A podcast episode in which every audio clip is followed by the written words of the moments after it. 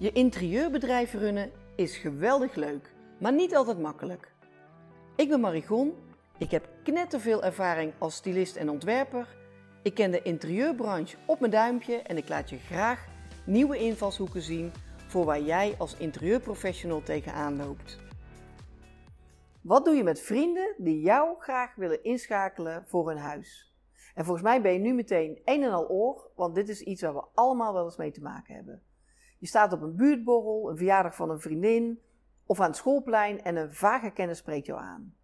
Zeg jij, doe toch iets met interieurs? Dat vind je toch zo leuk? Nou, wij willen ook een huis aan de slag. Zou je niet eens een keertje met ons mee willen kijken?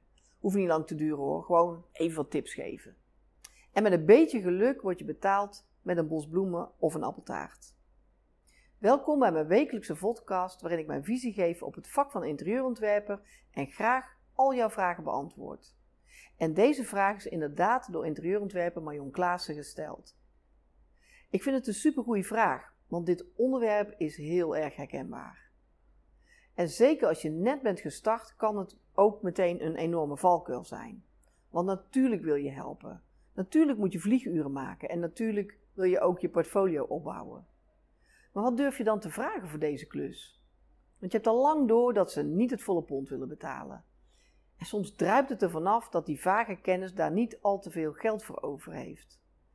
Het zijn echt lastige situaties waar niet maar één antwoord voor is. Maar ik geef je graag een paar tips die je kunt meenemen in je overwegingen. Dus luister deze podcast helemaal af. Als allereerste geef ik alvast een doordenker aan je mee. Want soms kun je beter iets gratis doen dan voor weinig geld.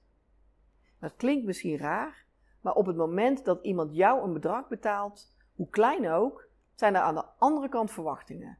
Dan vindt men al snel dat ze beslag op jou en jouw tijd kunnen leggen. En dan is het opeens niet meer zo leuk meer. Ook al doe je wel wat ervaring op. En er zijn een paar dingen die je kunt overwegen als je besluit om een goede vriend of een vage kennis te helpen. Want waar ligt voor jou de grens of iemand tot jouw inner circle behoort? En natuurlijk je bestie, je moeder en je lievelingstante. Maar hoort de achternicht van je buurvrouw daar ook bij? Of de moeder van het schoolplein of de ex-collega van je partner? Zet ergens een lijn en jij bepaalt wat mij betreft waar je die neerzet.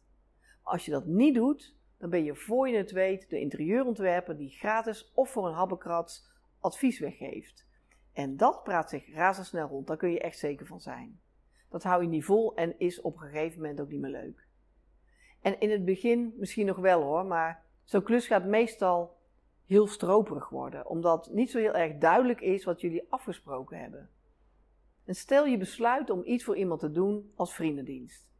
Overweeg eerst, wat ik aan het begin even zei, kun je niet beter gratis aanbieden. Zo voelt het veel vrijer voor jou, want die ander beseft maar al te goed dat hij steeds weer opnieuw beslag legt op jouw tijd. En zodra er een geldbedrag tegenover staat, dan ontleent iemand daar al snel rechten aan. En daar gaat het mis. En je kunt ook bedenken, wat kan die persoon voor mij betekenen? Kan ik misschien iets ruilen? Is hij of zij ergens een expert in en kan ik die expertise goed gebruiken? En misschien is iemand een kei in offertes maken en kan die jou daarbij helpen. Of is die persoon heel toevallig een grafisch ontwerper die jou kan helpen met je website? Maar het kan ook veel simpeler. Is het iemand die een paar keer op je kind kan passen zodat jij naar een klant kunt? En we zijn vaak niet zo goed in vragen, maar in deze situatie kun je duidelijk wel onderhandelen. Ik kreeg eens een vraag van een hele leuke dame met een high-end huidverzorgingsinstituut die graag een skin store aan haar praktijk wilde bouwen. En ik kende haar zelf eigenlijk helemaal niet zo goed. Het was een superleuke klus waar ik wel even mee bezig was, maar die ik eigenlijk ook wel graag wilde doen. En je kunt vast wel raden wat ik met haar heb geruild. Zij gaf mij een aantal heerlijke behandelingen die net zoveel waarde hadden als mijn advies. Dat hebben we gewoon letterlijk naast elkaar gelegd. En dan is iedereen blij. Je moet het zakelijk benaderen. En je kunt het ook gewoon opengooien. Zeg gewoon: Ik wil hier goede afspraken over maken, zodat jij ook echt blij bent met mijn advies. Wat zou je eventueel van mij kunnen terugdoen? En dan ben je even stil. Laat ze maar even nadenken. Er komt vast wel wat naar boven. En daarnaast mag je ook wel iets terugvragen als je zo'n vriendendienst doet. Wat dacht je van een goede review? Wel een eerlijke natuurlijk.